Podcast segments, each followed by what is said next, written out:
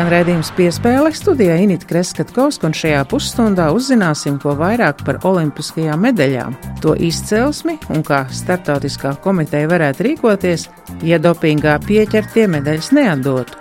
Diskutēsim arī par to, kā saglabāt Latvijas komandu nosaukumus, nevis reklamēt ātrā kredīta devējus.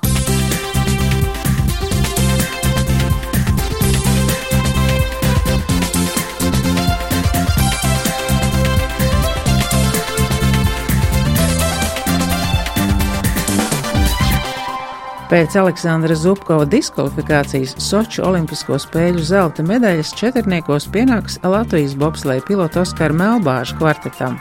Tādēļ interesi par to, kad un kādas medaļas tiks kārtas kaklā latviešiem sabiedrība īpaši interesē. Turklāt pašreizējais Krievijas bobsleja federācijas prezidents jau izziņojis, ka medaļas neatdos. Kolēģis Mārs Bergs pētīja tematu arī par medaļu izcelsmi. Soču Olimpisko spēļu bobsleja medaļu sāga beidzot tuvojas savam loģiskajam noslēgumam. Startautiskā olimpiskā komiteja pieprasījusi atdot medaļas Aleksandram Zubkovam un vēl desmit Krievijas izlases dalībniekiem. SOK viņus atzinusi par vainīgiem antidopinga normu pārkāpšanā. Līdz ar Zubkova diskvalifikāciju zelts Sočos četrnieku sacensībās pienāksies Oskaram Melbārdim ar stūmējiem Daumantu Dreiškenu, Jāni Strēngu un Arvi Vilkasti, kamēr Melbārdim un Dreiškenam būtu jāsaņem arī bronza divniekos. Lai arī lēmumi ir pieņemti un visas apelācijas iespējas izsmeltas, Krievi vairāk kārt teikuši, ka medaļas atdot negrasās, un lai tikai kāds pamēģina viņiem tās atņemt. Par situāciju vairāk stāsta Latvijas Olimpiskās komitejas prezidents Aldons Rubļevskis. Tās medaļas, kas nonāks līdz Melbārdim un viņa ekipāžai, visdrīzāk nebūs tās pašas, kuras uzkarināja kaklā Zubkovam un viņa ekipāžai Soču spēlēs 14. gadā. Bet uh, nav izslēgts, ka kāda no viņām aizceļo tik tālu. Cik es esmu dzirdējis, tad Krievijas sportisti negatavojas tās medaļas fiziski atdot izmantojot dažādus argumentus vai iegānus. Tā ir viņa aizstājības pozīcija no pirmā brīža, un viņa turpinās līdz šim brīdim vainas neatzīšana, kamēr tas nav acīm redzams. Pozīcija mūsējos sit aizstāvamie. Es domāju, ka tā nemainīsies. Tajā pat laikā mēs redzam, ka Krievijas Olimpiskās komitejas pozīcija ļoti strikta, ļoti, es arī teiktu, pareiza un tiesiska. Viņi iet šo tiesisko ceļu, viņi ir iesnieguši sūdzību Maskavas tiesai, kura neatbilstoši savai kompetencijai bija lēmusi par to, ka šo Zubkova sodu eh, Krievijā var nepildīt. Latviešu sportisti nevienu reizi vien izteikušies, ka viņiem šīs medaļas nekādu lielo prieku nesagādās, jo īstās emocijas iespējams gūt vien pašās Olimpiskajās spēlēs uzreiz pēc sacensībām, nevis daudzus gadus vēlāk. Taču Vrubļevskis domā, ka augstāka kaluma medaļu iegūšanai tik un tā būs pozitīvs, motivējošs efekts. To, ka mūsējie ir labākie, to mēs jau sevi esam pieņēmuši, sapratuši un saprotam, ka mums un sportistiem tika nozagti tie īstie prieka mirkļi. To atgriezt neviens nevar. Pat ja divas medaļas katram iedot, vai pat uh, dubultu prēmiju samaksātu. Bet, uh, Tas, ka taisnība uzvar ar laiku, tam gan ir liela nozīme arī turpmāko sportistu gan izvēlē, gan darbā, jo tas ir pierādījums, tomēr ar godīgu darbu un godīgu cīņu var izcīnīt uh, savu īsto vietu, parādot savus īstās patiesās spējas un spēku Un, ja tu esi labākais, tad tu esi labākais. Lai arī šodien esam pieraduši pie trīs dažādu kalumu medaļām - zelta, sudraba un bronzas, Olimpiskajās spēlēs nevienmēr izmantota šāda apbalvojumu sistēma. Tradīcija pasniegt medaļas ir tikpat sena kā mūsdienu Olimpiskās spēles. Pirmajās Olimpiskajās spēlēs, kas 1896. gadā notika Atēnās, sacensību uzvarētāji tika apbalvoti ar olīvu vainagu un sudraba medaļu. Tolaik par pirmo olimpisko čempionu kļuva amerikānis Džeims Konolijs. 1900. gadā sportistiem tika pasniegti kausi, bet zelta, sudraba un bronzas medaļas pirmo reizi tika pasniegtas tikai trešajās olimpiskajās spēlēs Sentluisā 1904. gadā. Sentluisā tika aizsākta arī tradīcija, ka medaļas uzvarētājam tiek piespraustas pie krūtīm. Tikai 1960. gadā Romā medaļas pirmoreiz tika kārtas sportistiem kaklā, un tā tas turpinās līdz pat mūsdienām. Laika gaitā medaļas veidotas dažādās formās un dizaina variācijās. Bijušas četras stūrainas medaļas, četras stūrainas medaļas ar nopaļotiem stūriem, medaļas ar caurumiem vidū un vēl visdažādākās variācijas, kas kaut kādā veidā atspoguļo organizatoru valsts kultūru vai tradīcijas. Bet kā tad visu kārotās medaļas tiek izgatavotas? Mūsdienās medaļām jāatbilst noteiktam standartam, to diametram jābūt vismaz 60 mm un biezumam vismaz 3 mm. Tomēr zelta medaļu galvenā sastāvdaļa patiesībā ir sudrabs. Zelts ir ļoti mīksts un arī dārgs metāls, tāpēc šī kaluma godalgām tiek izmantots sudrabs, taču ir noteikums, ka zelta medaļas pārklāja ar 6 gramiem īsta zelta. Sudraba medaļas loģiski tiek radītas no sudraba, bet bronzas medaļām pamatā izmanto varu, kuram pievienots neliels daudzums cinka un citu metālu. Lai radītu vienu olimpisko medaļu no procesa sākuma līdz beigām, paiet aptuveni 48 stundas. Rio olimpiskās medaļas bija vienas no vidēji draudzīgākajām spēļu vēsturē, jo daļa no metāla, ko izmantoja to radīšanā, ieguva otrreizējās pārstrādes ceļā. Rio zelta medaļās izdevās atbrīvoties no dzīvesudraba klātbūtnes. Ķīmiķi zinās teikt, kā atdalīt zeltu no dzīvesudraba nav viegli. Lai izgatavotu spēļu medaļas, vajag aptuveni 10 kg zelta, vairāk nekā 1200 kg sudraba, kā arī vairākus simtus kg vara. Pēc pusotra gada startēs Tokijas Olimpiskās spēles, un šo spēļu rīkotāji cer, ka visu medaļām nepieciešamo metālu izdosies iegūt otrreizējās pārstrādes procesā. Tokijas spēļu medaļām plānots lietot metālu, kas iegūts no veciem mobilajiem telefoniem, datoriem un citas sadzīves elektronikas, jo Japāņu aplēses liecina, ka šīs valsts iedzīvotāji gada laikā izmet gana daudz sadzīves tehnikas, lai no tās varētu iegūt nepieciešamo daudzumu materiālu materiāla. Olimpisko medaļu vērtību var izteikt arī naudas izteiksmē. Pēdējo spēļu medaļas maksā aptuveni 600 dolārus katra, tomēr to lielākā vērtība ir meklējama citur. Tās ir simbols daudzu gadu smagam darbam un piepildītiem sapņiem, jo olimpiskā medaļa bija, ir un paliek augstākais sasniegums sportā.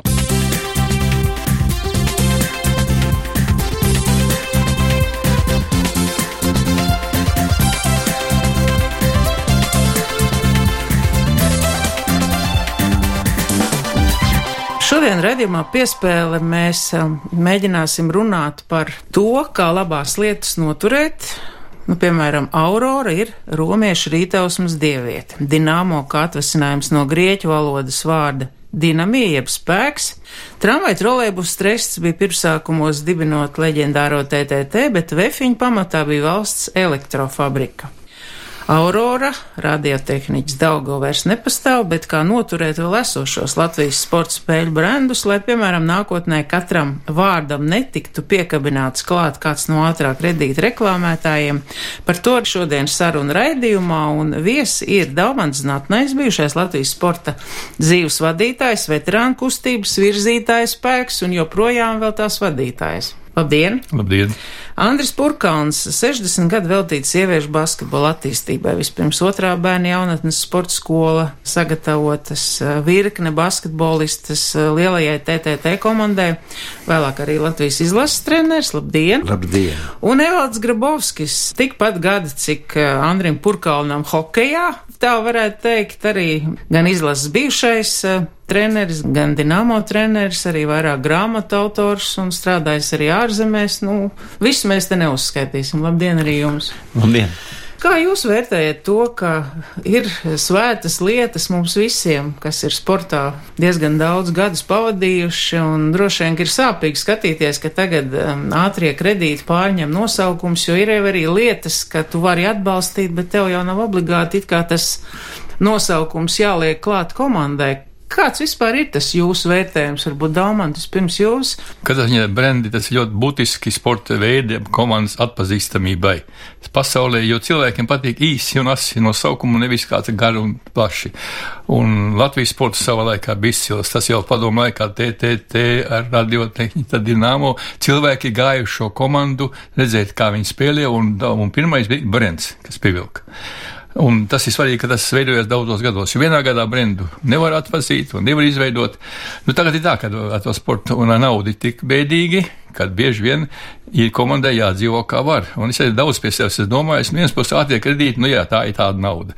Bet no otras puses sportistam vajag naudu. Viņš nevar trenēties, domāt par naudu, vākt naudu un vēl būt izcils. Nu, nav iespējams apvienot. Un tad, kad izsverot visu, laikam tomēr Ja tas brends viens nevar iztikt, tad droši vien jāmeklē palīdzība, bet mēs gribētos, lai tomēr paliek kā tas pats slavenais brends, tā kā TT tomēr ir pamats, jo tas ir pasaulē pazīstams.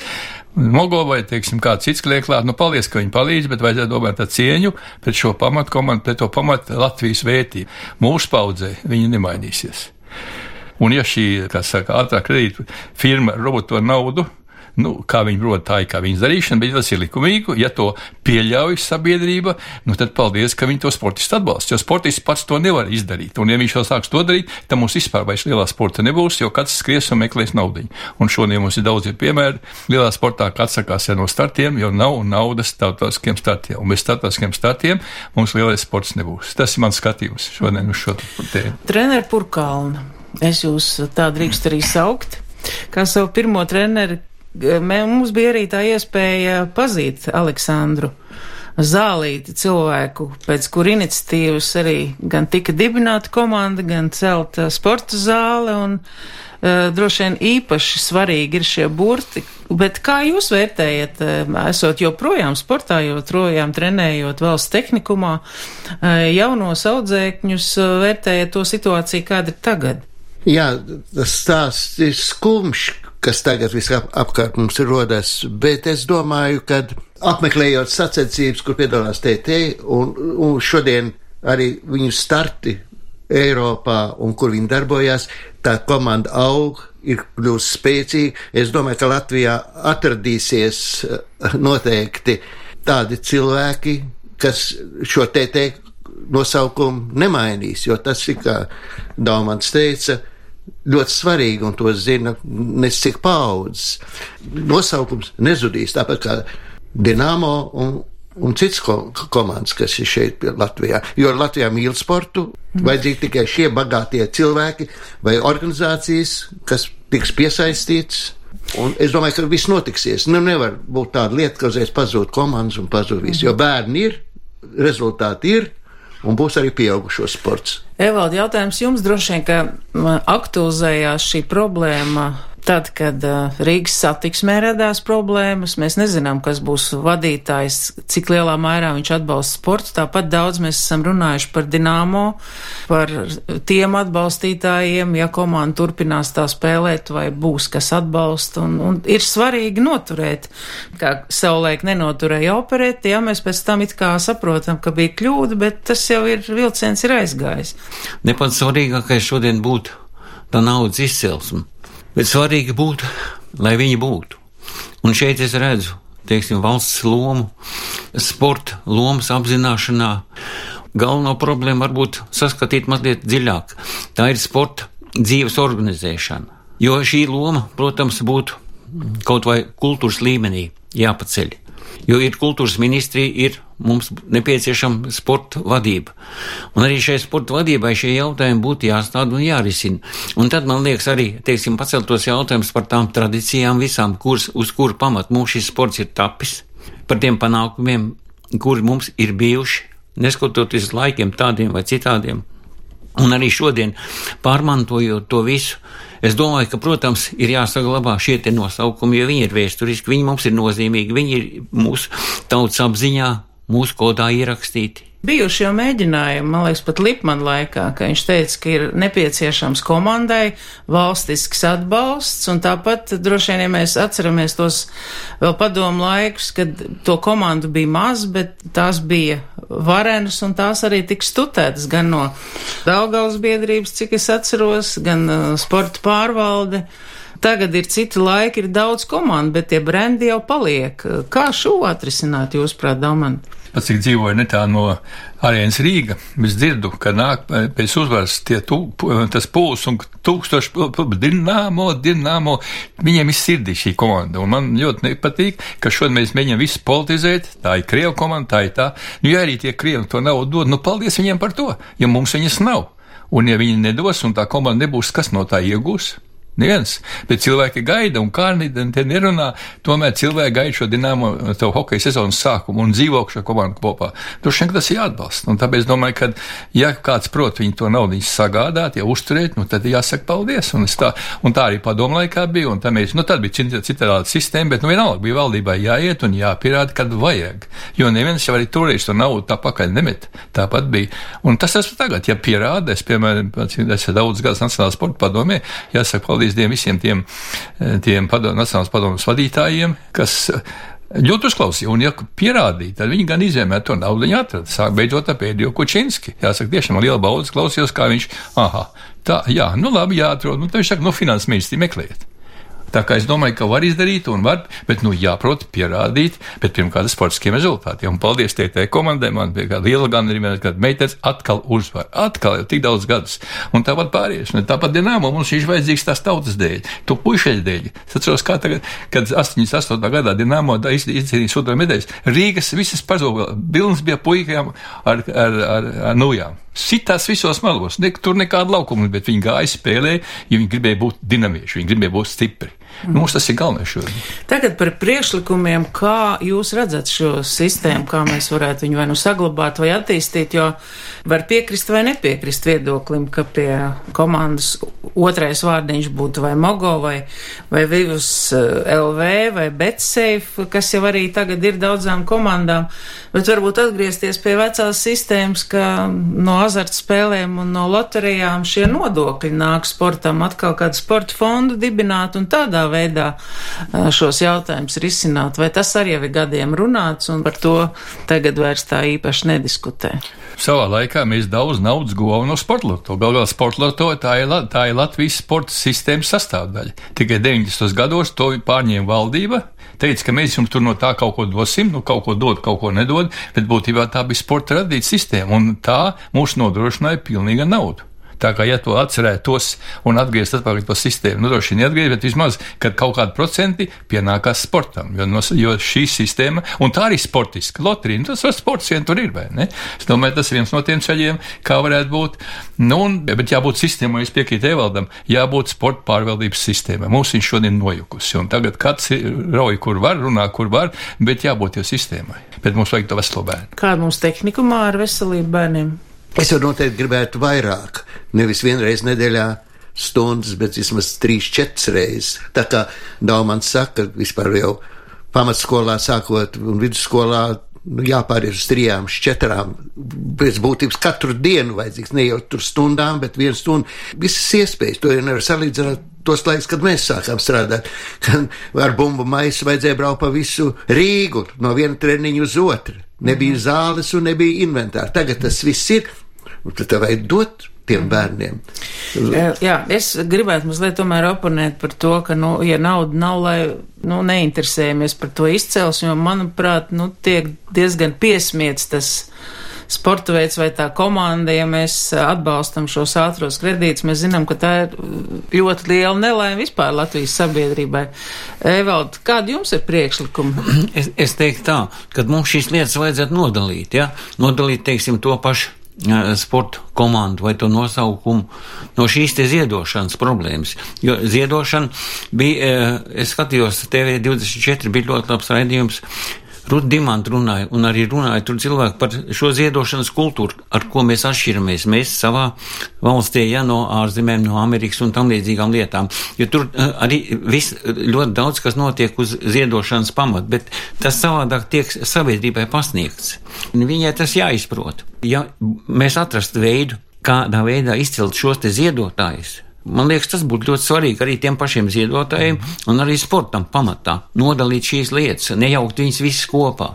Un, un droši vien būtu ļoti labi, ja atrastos ziedotāji ar augstu inteliģences pakāpi, kuriem nebūtu nevajadzētu, lai viņus reklamētu, nu kaut vai piemērs ar Tetereo fondu, vai jūs daudz redzat šos cilvēkus, ja, kas zīmējās kameras priekšā, un kaut vai arī Nacionālā basketbola asociācija vai NHL, tur jau ir gadiem, protams, tradīcijas, bet tur arī neviens nekabina klāt nekādas sponsoru nosaukums. Tātad tas ir sistēmas izveidošana, var piekrist Evaldam kādam vienkārši ar to būtu jānodarbojas, ne?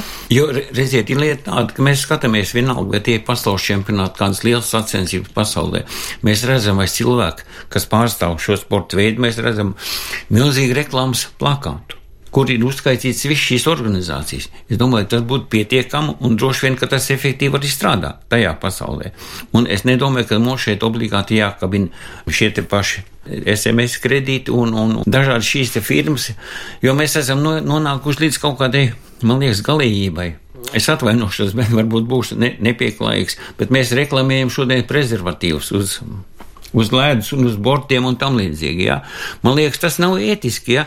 vai arī tam ir jābūt skaidrojumam, kāpēc mēs tā darām. Varbūt arī atšķirīgi, jā, teiksim, bet galvenais mums ir šodien saglabāt sevi, savas tradīcijas un kopt savu sportisko kultūru, veselīgu dzīvesveidu, audzināt jaunatni, un lai viņi šodien negaidot to, ka kaut kas šeit mainīsies, brauc projām, bet redz, ka tiešām tās lietas mums šeit viss sakārtojās, un es domāju, ka mēs ar saviem sportistiem varēsim arī turpināt lepoties kā arī ar savām komandām, ar tiem nosaukumiem, kuri ir ieauguši mūsu tautas apziņā. Trener Purkalni, jums noteikti ir atmiņā tie laiki, kad ļoti daudz no otrās sporta skolas meitenēm tika TTT komandā. Tad Latvijas izlasē jums ir arī jaunatnes laikā trenējot entās paudzes. Interesanti ir tas, ka nu, filozofija šodien treneriem, spēlētājiem, ar ko man iznāk parunāties, es paprasu, kā notiekās, ir mainījusies. Jo šodien visā pasaulē mēs redzam, ka visur nauda, reklāmas, viss tik ļoti labi iznāk, bet tas darbs, kas tiek ieguldīts, par to nerunā. Un tādīs laikos, kad man bija laime strādāt, un viss, mums apstākļi bija ļoti sliktāki, materiāli un visi pārējie. Bet mēs to brīvo laiku bija treneri, skolas, zāles bija maz, mēs izmantojam darbā. Ja konkrēts piemērs, ja šodien pa jaunatnes runāju, ja, Vasarā viņš aizbrauc uz treniņu, nomet divreiz pa desmit dienām vai trīsreiz pa desmit dienām. Vasarā un ar to koncerts beidzies. Jā, naudu. vēl milzīgi naudu. Tad mēs trenējāmies, kā sākām pirms jāņem, tā līdz 1. septembrim, divi pus mēneši. Pareitniet, kas tas ir par darbu vasarā ieguldījis, kur katru dienu no 3 līdz 4 treniņi, kur obligāti rīta pelde, vakar pelde, ja mēs atceramies, nu, sporta skolā otrā, kur strādāja ar basketbolu. Tad teica, ka tās esot mums. Man bērni teica, ka tā, kas te ir salas pils, te ir jau svecima, nāves nometne. Tagad ir pagājuši daudzi, daudzi gadi un pirmām audzēknēm jau ir maz, maz bērni, un viņi saka, treneri, nu, nākiet, kāpēc vasarā nekas nenotiek? Kāpēc nenotiek tas darbs? Un te jau darba pamatā radās tie rezultāti. Un ko te runāja arī kolēģi par to finansēšanu un viss, protams, ka valsts mums ļoti labi palīdzēja. Un es domāju, ka vecāki piemaksāja, bet mēs varējām strādāt. Bija, katra bija savu bāzi. Mums, mēs, piemēram, lielāko daļu izrāvām Kaibalas skolā un šodien tur ir laukumi un zāle, un viņi visi ir tukša. Es aizbraucu kādreiz garām, paskatos vasarā. Un es domāju, tas ir darbs, un to darba rezultāti jānovērtē. Un jālūdz ir arī nu, tie, kas pie sporta vadībā, kā Daumans jau teica, vajadzīgi ordzi no augšas, un jāzina, kāda līdzekļa. Nu, saka, nauda nesmird, bet uh, pēc būtības ir jāzina, no kurienes viņi nāk, lai nebūtu, tas jau viss ir organizācijas un reklāmas un vispārējā lietā. Vienalga, kur nāk no azartspēlēm vai no kurienes, bet tas nāk mūsu Jā. Labāk. Evaldi, jautājums jums par hokeja saimniecību. Bieži noveļ uz pašvaldībām. Saka, nu pašvaldībai ir jāpalīdz. Vai jūs redzat arī savā hokeja saimniecībā to, ka ir tā zvaigzne viena, kas pelna Nacionālajā hokeja līgā, un tos jaunos ir grūti pie tā darba pieradināt. Viņi redz tikai to rezultātu, kā saka, kas viegli nāk, un es arī gribu tāpat viegli. Ir tāda sajūta. Mēs īstenībā esam pazaudējuši vienu ļoti būtisku lietu. Tā ir mūsu darba kultūra. Faktiski visi mūsu sasniegumi arī šām, šīm komandām, individuāliem sportistiem, tam pamatā ir ļoti liels darbs. Un man ir bijusi dzīvē tāda laime strādāt ar cilvēkiem kopā, kuri ir bijuši mani skolotāji, kas tiešām šos jautājumus ir spējuši atrisināt. Viņi spējuši motivēt, spējuši pārliecināt un spējuši arī paprasīt rezultātu, pieprasīt. Tas bija Viktors Čihanovs, kurš mūsu hokeju būtībā faktiski uzcēla līmenis, kādā mēs esam pat labā nokļuvuši. Faktiski liela daļa no inerces tā laika sakrātā darba pieredzes. Un arī var teikt, ka cilvēki, kas izgājuši šo darbu skolu, arī strādā pie mums republikā, strādā arī ārpus mūsu republikas. Un um, viņi faktiski dod šo rezultātu. Bet nelaime ir tāda, ka šodien hokeja trenēties var atļauties tie, kas spēj samaksāt. Un tā ir problēma. Un, protams, tur rodas dažādas problēmas, kas no tā izriet. Raksturs, attieksme, patriotisms, visas tās lietas, kuras nav raksturīgas tikai hokejam, bet vispār mūsu, teiksim, šodienas sabiedrības attīstības tādam periodam. Man šķiet, ka sakārtot šīs lietas.